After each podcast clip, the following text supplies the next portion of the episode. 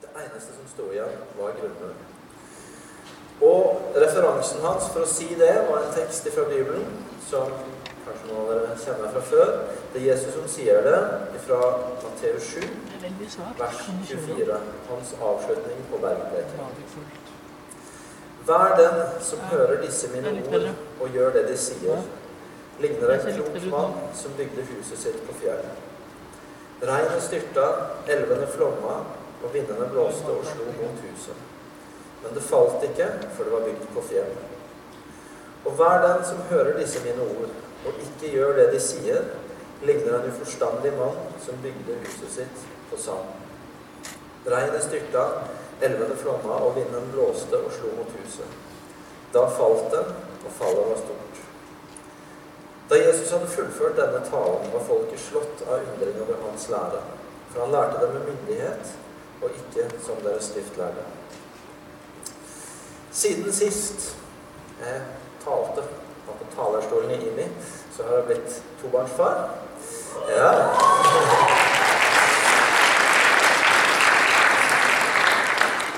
Det er en fin ting. Frida er ei fin lita jente som klarer seg bra så langt. Gjør, gjør arbeidsoppgavene sine, og det å spise og sove. Og bæsje. Uh, og uh, utrolig fint. Uh, en av de tinga som jeg har oppdaga med det å bli forelder, er at når du spør andre folk om input på det, eller tips til det, som gjerne har mer erfaring, så får du sånn cirka like mange svar som du stiller spørsmål. Eh, for eksempel så var det sånn for meg nå at altså, Dette var altså nummer to. Elia blir tre år nå i februar, og eh, så, så har sånn Fra den tida vi begynte å vente på Frida, så hadde jeg ca. to og et halvt års erfaring i det å være pappa. Og, eh, og begynte liksom å føle at jeg hadde litt styr på det. Jeg husker, jeg husker ganske sånn konkret en morgen her tidlig høst hvor jeg satt i bilen på vei til kontoret her.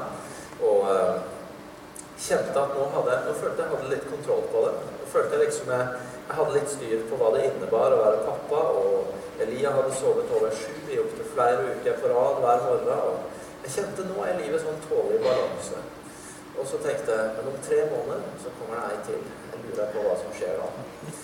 Og så begynte jeg å spørre folk som hadde mer erfaring, hadde flere barn og alt det der. Tenkte jeg skulle høre ok, hva er det jeg kan vente meg. Hva er det er det liksom å regne med at nå blir alt, alt satt ut av spill igjen, eller hva er det Hvordan blir dette her? Og så er alt satt ut av spill. Det høres ut som det har vært forferdelig de to og et første åra. Det har vært helt fantastisk. Hvis du ikke har barn og skal få oppleve det seinere, så er det bare noe å glede seg til. Eh, det var ikke meninga å tegne et veldig negativt bilde av det. Men i hvert fall jeg spurte da litt sånn Ok, hva kan jeg vente? Eh, og da er det sånn at du snur deg til noen og spør, og så sier de Du, det er ingenting å tenke på. Den store krisa, det er å få den første ungen. Da, liksom, da blir jo hele livet snudd på hodet. Alt blir annerledes. Da, det er jo da det virkelig skjer. Og så snur du deg rundt og så spør du noen andre, og så sier de åh, bare vent deg. Du veit, det å få ett barn, det er ingenting. Da, da, kan jo en av dere fortsatt gjøre som han vil og være fri. Men når det kommer to, da er jo alle opptatt hele tida det er da det virkelig blir, uh, blir, krise. Og så har du de som snur deg igjen, og så har du de som sier at uh, Nei, barn, det er jo fantastisk uansett. Ikke tenk på det. Kommer bare til å kose deg. Uh, og så kunne jeg fortsette å legge ut. Du får like mange svar som du stiller spørsmål. Av og til så føler jeg at noe av den samme dynamikken trer i spill når vi snakker om Bibelen. Fordi Forrige søndag så begynte vi her i kirka en periode hvor vi skal snakke om Guds ord. Og om det å leve i ordet og la seg forme og prege av Guds ord. Eh, det henger sammen med at vi hele dette skoleåret helt til høst har fokus på tre sider ved Jesu liv. Godheten som fulgte livet hans, ordet som fulgte livet hans, og miraklene.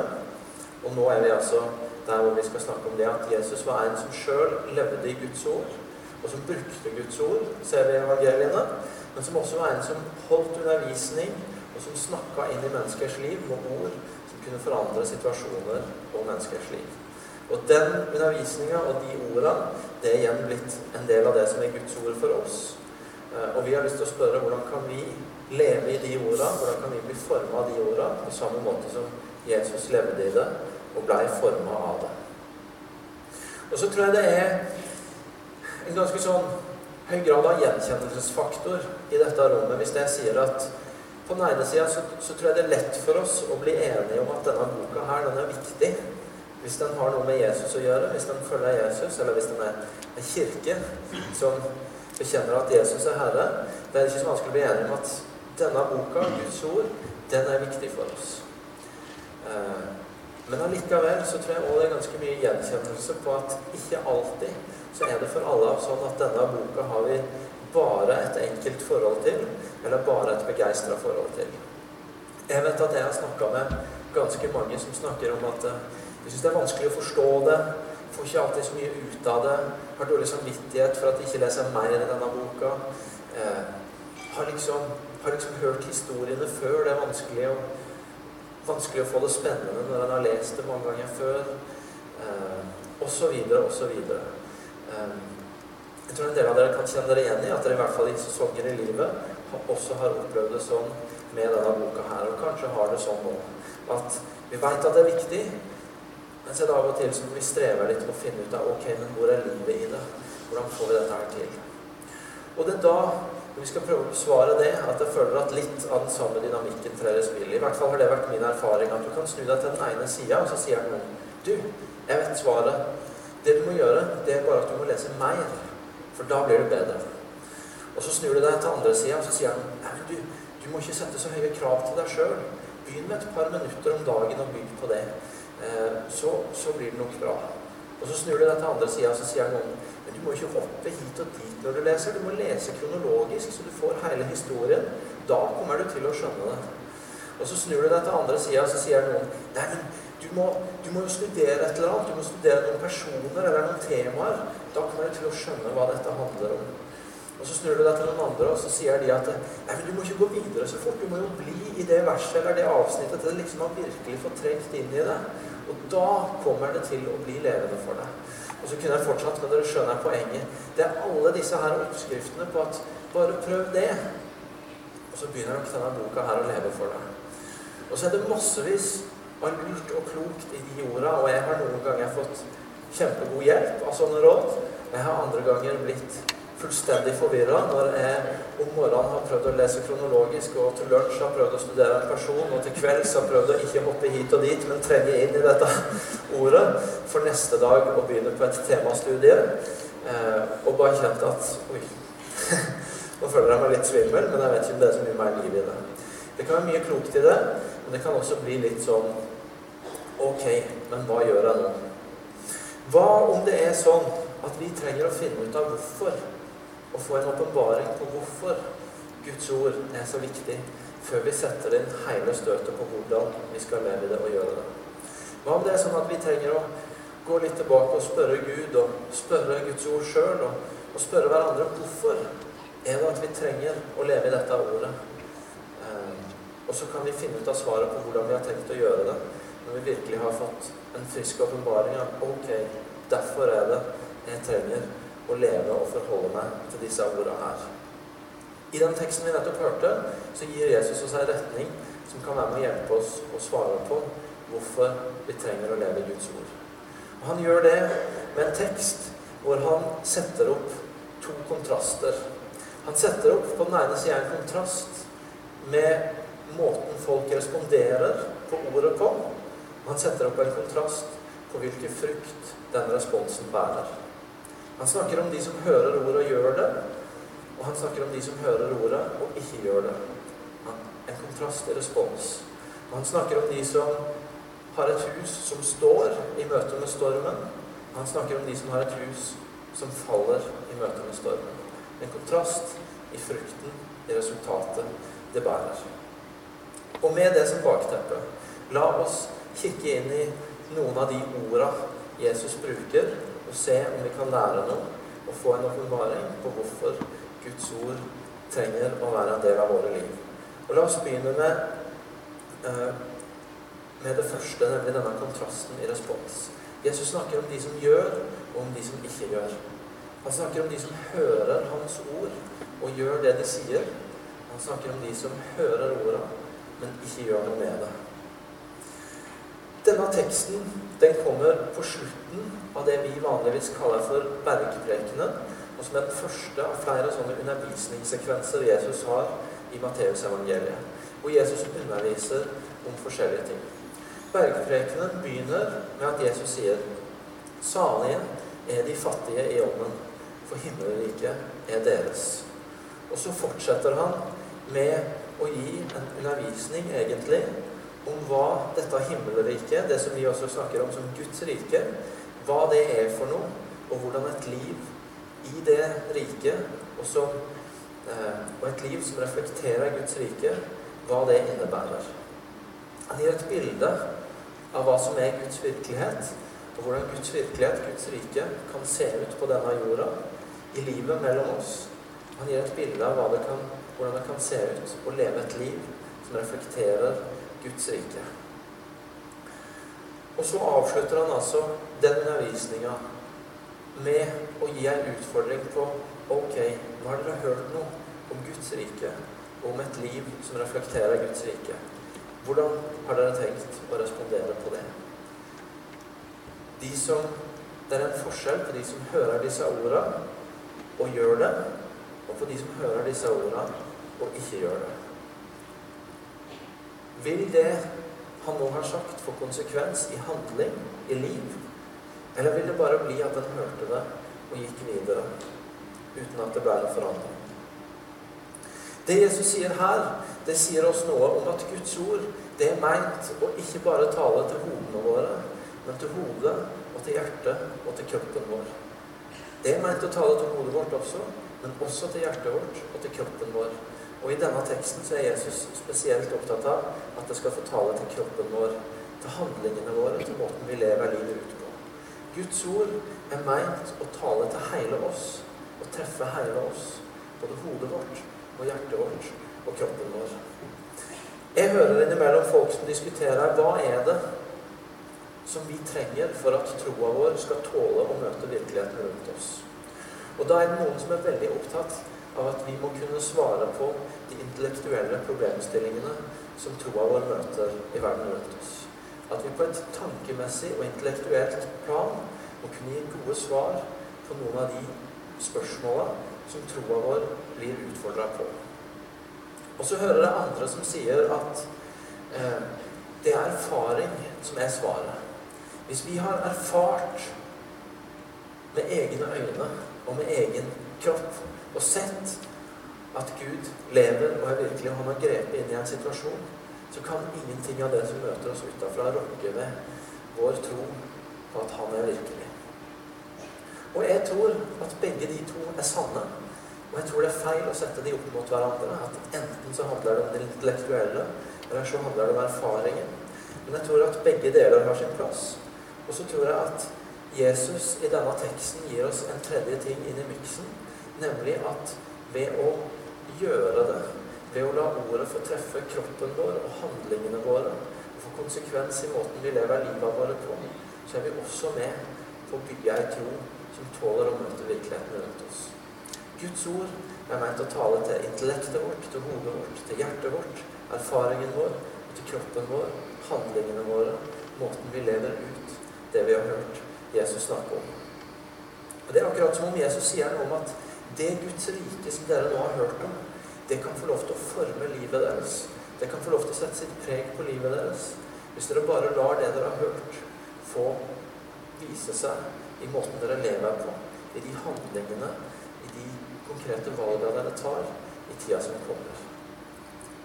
Det er de som gjør, og de som ikke gjør. Og våre liv kan få bli forma ved at vi lar ordet som Jesus taler, få tale til hodet vårt kroppen vår, nei, og til hjertet vårt, men også til kroppen vår. Og når ca. 2000 ungdommer denne helga har gitt hva det, var det kommet i over 100 000 kroner til de papirløse 85. Ok. Dro litt på, men da drar jeg meg ned igjen. 85 er fortsatt fantastisk. Når 2000 ungdommer denne helga har gitt 85 000 kroner til matkuponger til de papirløse innvandrerne, så forteller det meg noe om at de denne helga de har hørt ordet fra Jesus så har de fått hjelp til å respondere på det, til å handle på det. Og det er helt nydelig. Jeg la ut en sånn jubel over det på Facebook i går, og da skrev min gode gamle mor på par og 70 år i replikk har vi noe å lære? spørsmålstegn. Ja, kanskje har vi noe å lære av ungdommer som hører ordet og gjør det. Som hører utfordringa fra Jesus, og som lar handle på det med kroppen sin og med ressursene sine ved å gi av det de har. Eh, en av de tingene som har skjedd i dag på Impuls, er at det er blitt lansert en helt ny nettside som heter United Norway. Gå inn og sjekk når du kommer hjem. unitednorway.no. Det er rett og slett en side som er dedikert til å gi helt konkrete forslag til hvordan vi kan høre ordet og så handle på det. Konkrete forslag til hvordan vi kan leve ut det livet Jesus kaller oss til. Eh, spesielt mynta på ungdommer. Jeg tror definitivt det er mye å hente for alle oss som kanskje ikke kan gjøre oss fortjent til tittelen tenåring også. Eh, United Norway. Jesus sier 'hør ordet og gjør det'. La det få prege livet deres. La det få tale til handlingene deres. Det andre Jesus sier, og som ikke er en kontrast, men som er likt, enten du nå hører ordet og responderer på det, eller du hører ordet og går videre, det er at Jesus i begge tilfeller snakker om at man bygger noe. Eh, det bygges noe. Det er likt i begge scenarioene at man bygger.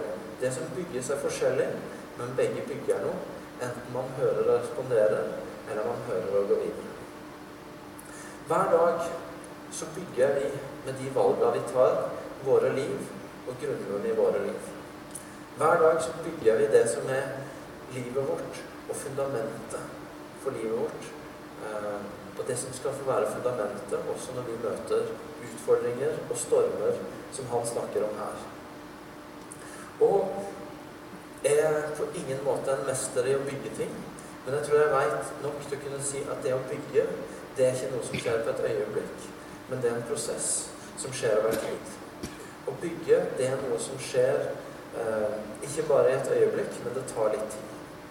Og det å la livet våre bli forma av Guds ord, det å la orda fra Jesus få tale til oss og til hele oss, sånn at livet vårt ser annerledes ut, det er ikke noe som bare skjer i et øyeblikk, men det er en prosess som går gjennom livet. Rich Atkinson, som er gjest hos oss her i forbindelse med Impuls, og som skal undervise både på lederdagene eh, til uka og på Impuls neste helg, han skrev i en bloggpost tidligere denne uka jeg skal ta det på engelsk først, og så skal jeg prøve å oversette dette på. It takes a moment to make a decision for Jesus, but a lifetime to work that decision out. Det tar et øyeblikk å ta et valg for Jesus, men det tar resten av livet å finne ut hva den avgjørelsen innebærer.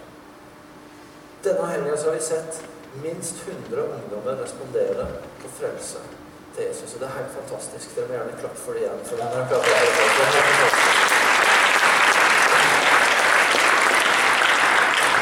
Det kan vi gjøre på et øyeblikk. Men den store testen, det blir jo om vi og de som skal gå med de videre på de stedene de har reist hjem til, også klarer å lede de inn i den prosessen det er å bruke resten av livet på å finne ut hva det valget de har tatt nå, innebærer. Hva det innebærer for de å bruke resten av livet sitt på å følge han de nå har gitt livet sitt til. Det er den store testen. Jesus kaller ikke folk til å melde seg inn i partiet hans eller til å bli medlem i eh, organisasjonen hans, men han kaller mennesker til å følge ham og til å la livet sitt bli forma av ham. Eh, og Det finnes så mange slags definisjoner på hva en som følger, en som er en disippel av Jesus, er. Men en av de som jeg syns er enkel og fungerer godt, det er at en disippel er en som hører ordet fra Jesus og handler på det. En som hører Jesus ord, Jesu ord og responderer på det. Og det er noe vi aldri blir utlært i. Det er en prosess som tar resten av livet vårt. Og Derfor så blir aldri jeg ferdig med denne boka her. Livet mitt blir aldri ferdig med denne boka her. Hver dag så trenger jeg å stille livet mitt framfor Han som taler til meg gjennom dette ordet, og spørre hva er det du vil si til meg i dag som kan få bety en forskjell i mitt liv. Jeg trenger hver dag å høre han friskt og på nytt og spørre ok, hva, hva sier du i dag? Og hvordan kan jeg respondere på det i dag? Jeg er utrolig glad i å lese. Det er veldig sjelden jeg gidder å lese ting om igjen. Men denne boka her kan jeg aldri bli ferdig med å lese. Jeg trenger å bo i den hver dag, livet ut. For sjøl om det kan ta et øyeblikk å gi livet sitt til Jesus, så tar det resten av livet å finne ut hva det valget og hva det livet fullt og helt innebærer. Og til slutt så kommer altså kontrasten Jesus setter opp for hva som skjer når stormen kommer. Kontrasten mellom de som har bygd et hus som står på fjell, og som blir stående når stormen kommer, og de som har bygd et hus som står på sandgrunn, og som faller når stormen kommer. Når vi blir værende i den prosessen det er å høre ordet fra Jesus og respondere på det, så bygger vi over tid et liv og en grunnmur som står seg i møte med de utfordringene dette livet byr på. Jesus stiller ikke opp alternativet hvis stormen kommer. Stormen kommer. Og mange av dere som sitter i dette rommet, vet det. Og vi kommer alle til å erfare det. Spørsmålet er ikke om han kommer, men når stormen kommer. Og ved å bli i prosessen av å høre ordet og respondere på det, så bygger vi et liv og et fundament som tåler å møte stormene og utfordringene som kommer mot oss. Og det kan handle om de tøffe utfordringene livet gir, men det kan òg handle om På dette huset så er vi utrolig opptatt av å gå ut og gjøre Guds godhet tilgjengelig for verden rundt oss. Og en av mine hjertesaker er å se hele Guds folk mobilisert og leve som utsendinger i sin hverdag eh, og gi evangeliet om Jesus videre til folk der de er.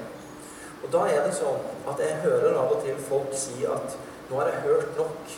Nå har jeg hørt nok om alle sånne forkynnelser og, og, alt det der. Nå trenger jeg å gå ut og gjøre noe med det. Eh, jeg har hørt nok for resten av livet. Nå handler det om å leve det. På den ene sida så skjønner jeg det, og jeg er enig i det. Mange av oss kan av og til stå i fare for å bli litt sånn møte- og tale-junkies som trenger å komme i gang og la det få prege livet vårt.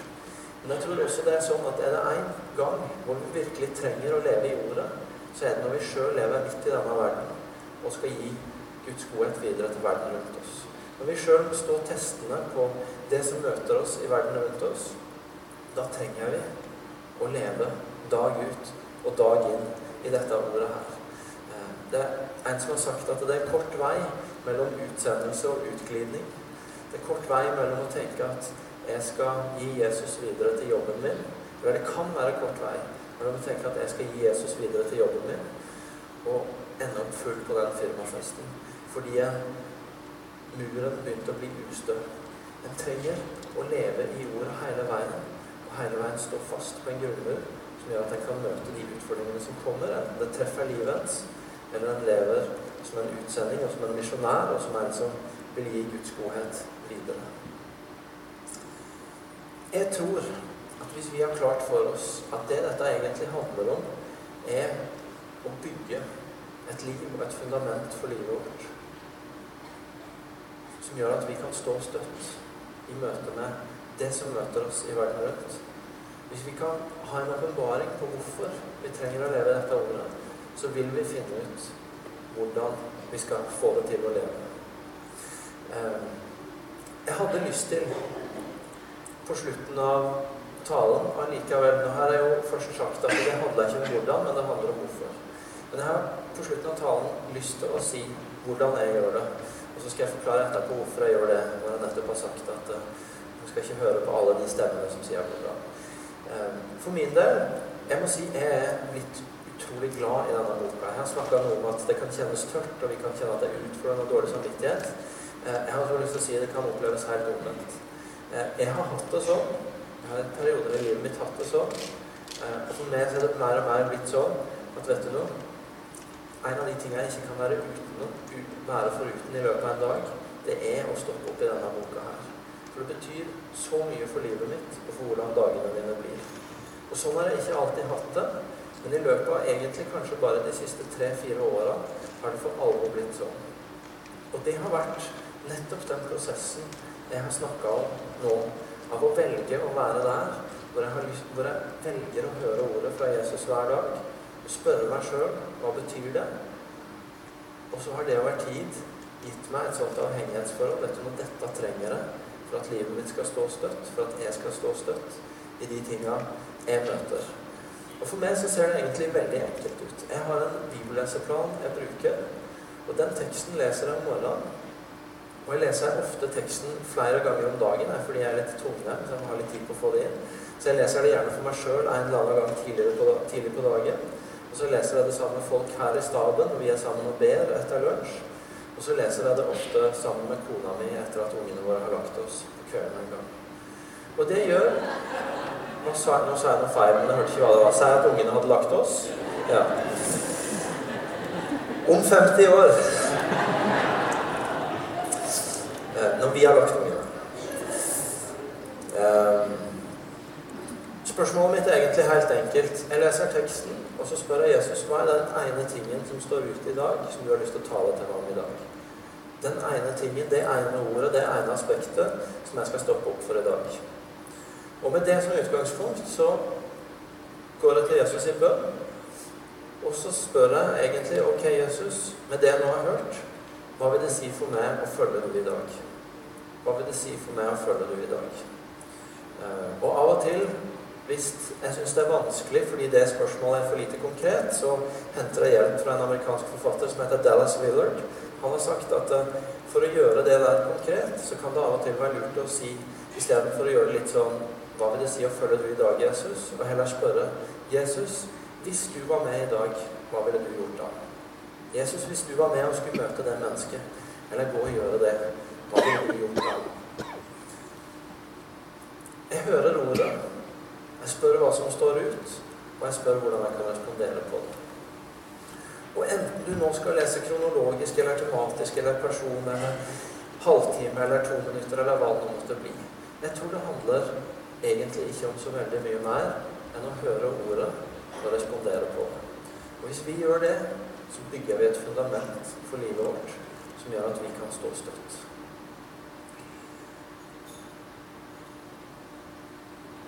Og det er min enkle utfordring til oss i dag og til uka som kommer. Det er rett og slett bare å spørre oss sjøl Ok, hvilke fundament bygger jeg i livet mitt akkurat nå? Hvilke grunner er det jeg holder på å sette opp i livet mitt? Hører jeg ordet fra Jesus og responderer på det? Og bygger jeg noe som er stødig? Eller gjør jeg ikke det? Og det kan være å spørre er det noen steiner i den grunnmuren som jeg vet har betydd mye for meg, og som jeg skal pusse litt støv av igjen? Er det ord jeg har hørt fra Gud tidligere, og som ligger der, som er blitt litt sånn borte, men som jeg bare kan hente fram igjen? Er det nye ting Jesus du vil si for den tida som kommer, og som skal forbli en del av fundamentet i mitt liv? Og så kan de, de orda fra Jesus og vår respons på det være veldig mange forskjellige ting. Den ene uka kan det være at i møte med alle de tøffe tinga vi skal inn i, så er ordet fra Jesus at 'Jeg elsker deg'. Og så er vår respons å holde fast på det og stå i det når det kommer andre utfordringer. En annen gang så kan det være når sinnet er i ferd med å ta fullstendig hånd om oss, og høre ordet fra Jesus om å elske våre fiender, og spørre ok, hvordan kan vi eh, hvordan kan vi la det forme oss, sånn at det andre ikke får ta grep om oss? En gang så kan det være når vi skal til et sted og vi kjenner oss helt alene, og hører Salme 139 om at 'Jeg vet alt om deg. Jeg vet alt om det du gjør. Jeg vet alt om hvor du går.' Og vite at vi er aldri alene.